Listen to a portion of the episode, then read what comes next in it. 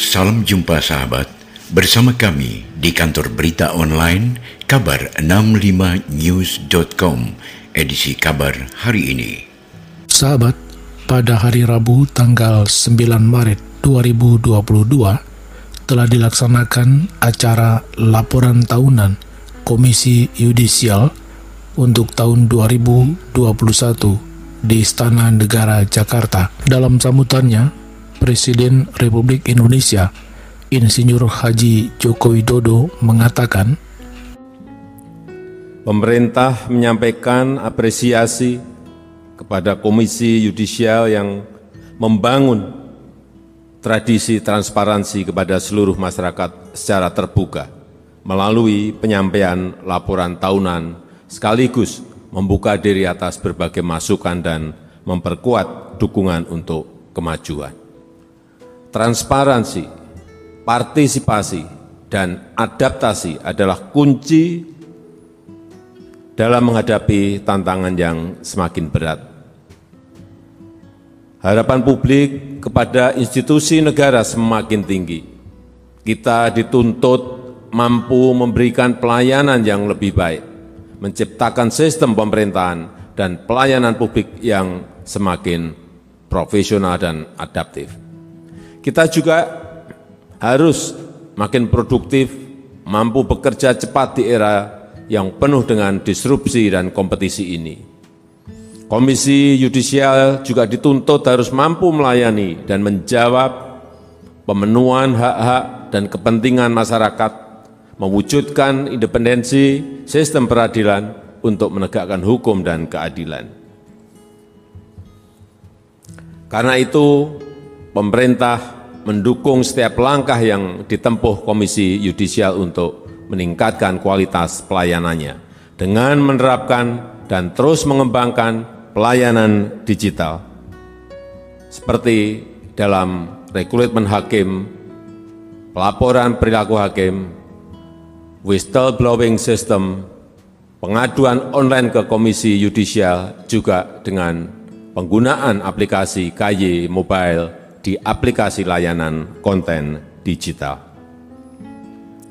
Hadirin yang saya muliakan, peran Komisi Yudisial dalam reformasi peradilan sangat penting. Memperkuat kehadiran negara dalam melakukan reformasi sistem dan penegakan hukum yang bebas korupsi, bermartabat dan terpercaya. Sebagai lembaga penyeimbang, Komisi Yudisial harus mampu melakukan fungsi pengawasan eksternal yang independen, sehingga kekuasaan kehakiman yang merdeka dapat berjalan selaras dengan akuntabilitas peradilan. Komisi Yudisial harus memastikan agar setiap perbuatan merendahkan kehormatan dan keluhuran hakim dapat diselesaikan semaksimal mungkin agar kewibawaan, kehormatan, dan keluhuran hakim serta kehormatan institusi peradilan selalu terjaga. Saat ini dibutuhkan langkah-langkah yang progresif untuk mengatasi kurangnya hakim ad hoc tindak pidana korupsi di Mahkamah Agung. Juga hakim-hakim tata usaha negara untuk perkara pajak yang sangat krusial perannya untuk memastikan terlindunginya penerimaan negara lewat sektor perpajakan. Dalam menjalankan peran sebagai perisai independensi, penjaga imparsialitas, dan penjaga kehormatan hakim, Komisi Yudisial harus menjamin ketersediaan hakim agung, hakim ad hoc Mahkamah Agung, dan para hakim yang berintegritas melalui proses seleksi yang transparan, yang objektif, dan yang profesional. Komisi Yudisial juga harus memastikan agar calon hakim yang diusulkan ke DPR RI memiliki rekam jejak terpuji, berintegritas, dan kompeten, memiliki semangat dan komitmen tinggi untuk memerangi korupsi.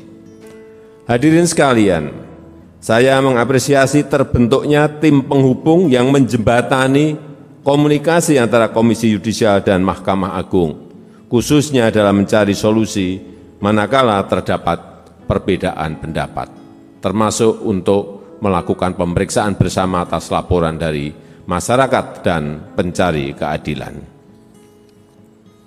Kemitraan strategis antara Komisi Yudisial dan Mahkamah Agung adalah kunci terjaganya marwah para hakim dalam memutus perkara, agar kita mampu membatasi dan memutus ruang gerak mafia peradilan dan mafia-mafia lain yang selama ini merusak kepercayaan terhadap para hakim dan institusi peradilan dan melukai rasa keadilan masyarakat.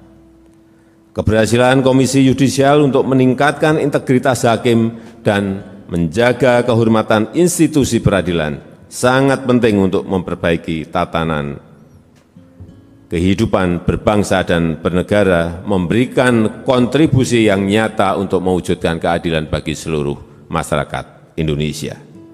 Demikian kabar hari ini. Kita akan jumpa kembali pada kabar-kabar lainnya di lain waktu dan lain peristiwa. Apabila Anda ingin mendapatkan berita-berita terkini, jangan lupa klik situs kantor berita online www.kabar65news.com.